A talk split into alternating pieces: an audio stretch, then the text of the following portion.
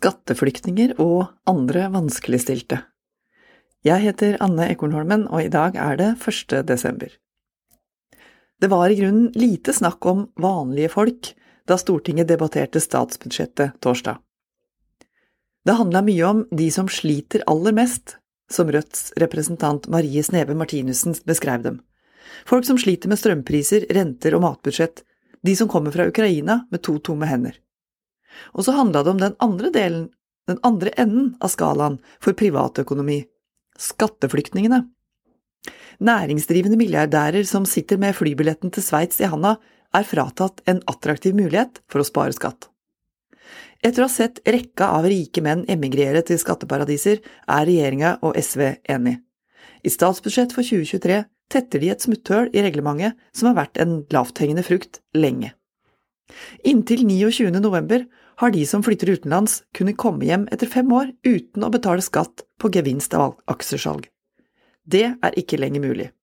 Dessuten, det kommer til å utlyse utflyttingsskatt hvis du overfører penger til nære slektninger, eksempel unger, som bor i utlandet.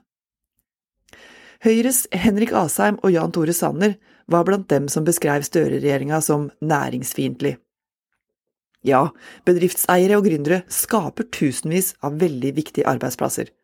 De bør ha forutsigbarhet for å fortsette med det, all den tid finansminister Trygve Slagsvold Vedum fra Senterpartiet fra talerstolen gjentok at nøkkelen er arbe, arbe, arbe.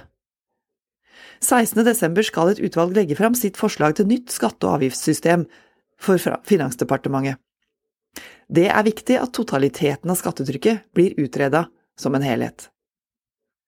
Men det skal, hvis det skal drives omfordeling og utjevning i et samfunn bygd på en kollektiv velferdsstat, så må det hentes noe inn.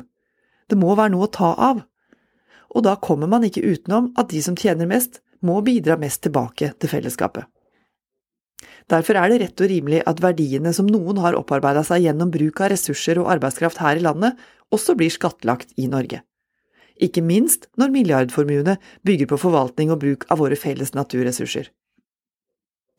Jeg syns det er tragisk, de jager masse gode folk fra Norge, sa milliardær og satseier Bjørn Maaseide til Dagens Næringsliv. Det lyder skingrende falskt at de aller rikeste klager over å dele på godene når enslige mødre, pensjonister og studenter sitter i kalde leiligheter og spiser brødskiver til middag. Mottakere av sosialhjelp og bostøtte, alle som går på avklaringspenger og uføretrygd, studenter og pensjonister, har fått om ikke akkurat en julepresang, så i hvert fall ei såkalt dyrtidspakke i statsbudsjettet, drevet fram av press fra SV. Pakka inneholder blant annet økt bostøtte, 4000 kroner mer til minstepensjonistene, utvida barnetrygd med 5000 kroner for enslige forsørgere, 7% økning i studiestøtta og ei engangsutbetaling på 3000 kroner for uføre på minstesats.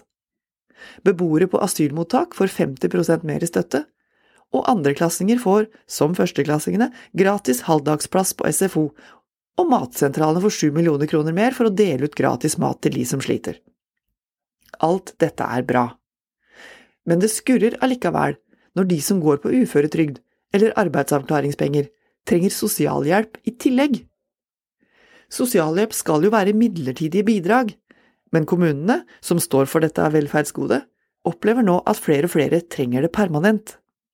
Det er et tegn på at minstesatsene for ytelser i Nav-systemet er for lave.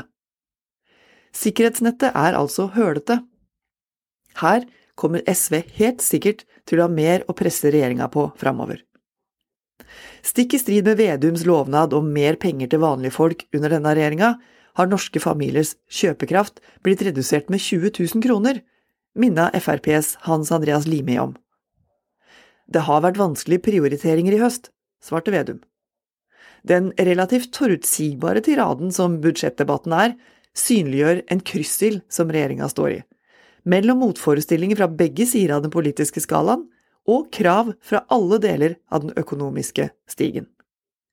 Så spørs det, da, om det er skatteflyktninger eller andre vanskeligstilte som trenger hjelpa mest.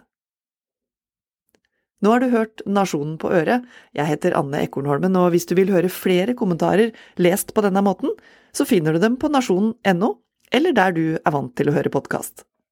Vi høres!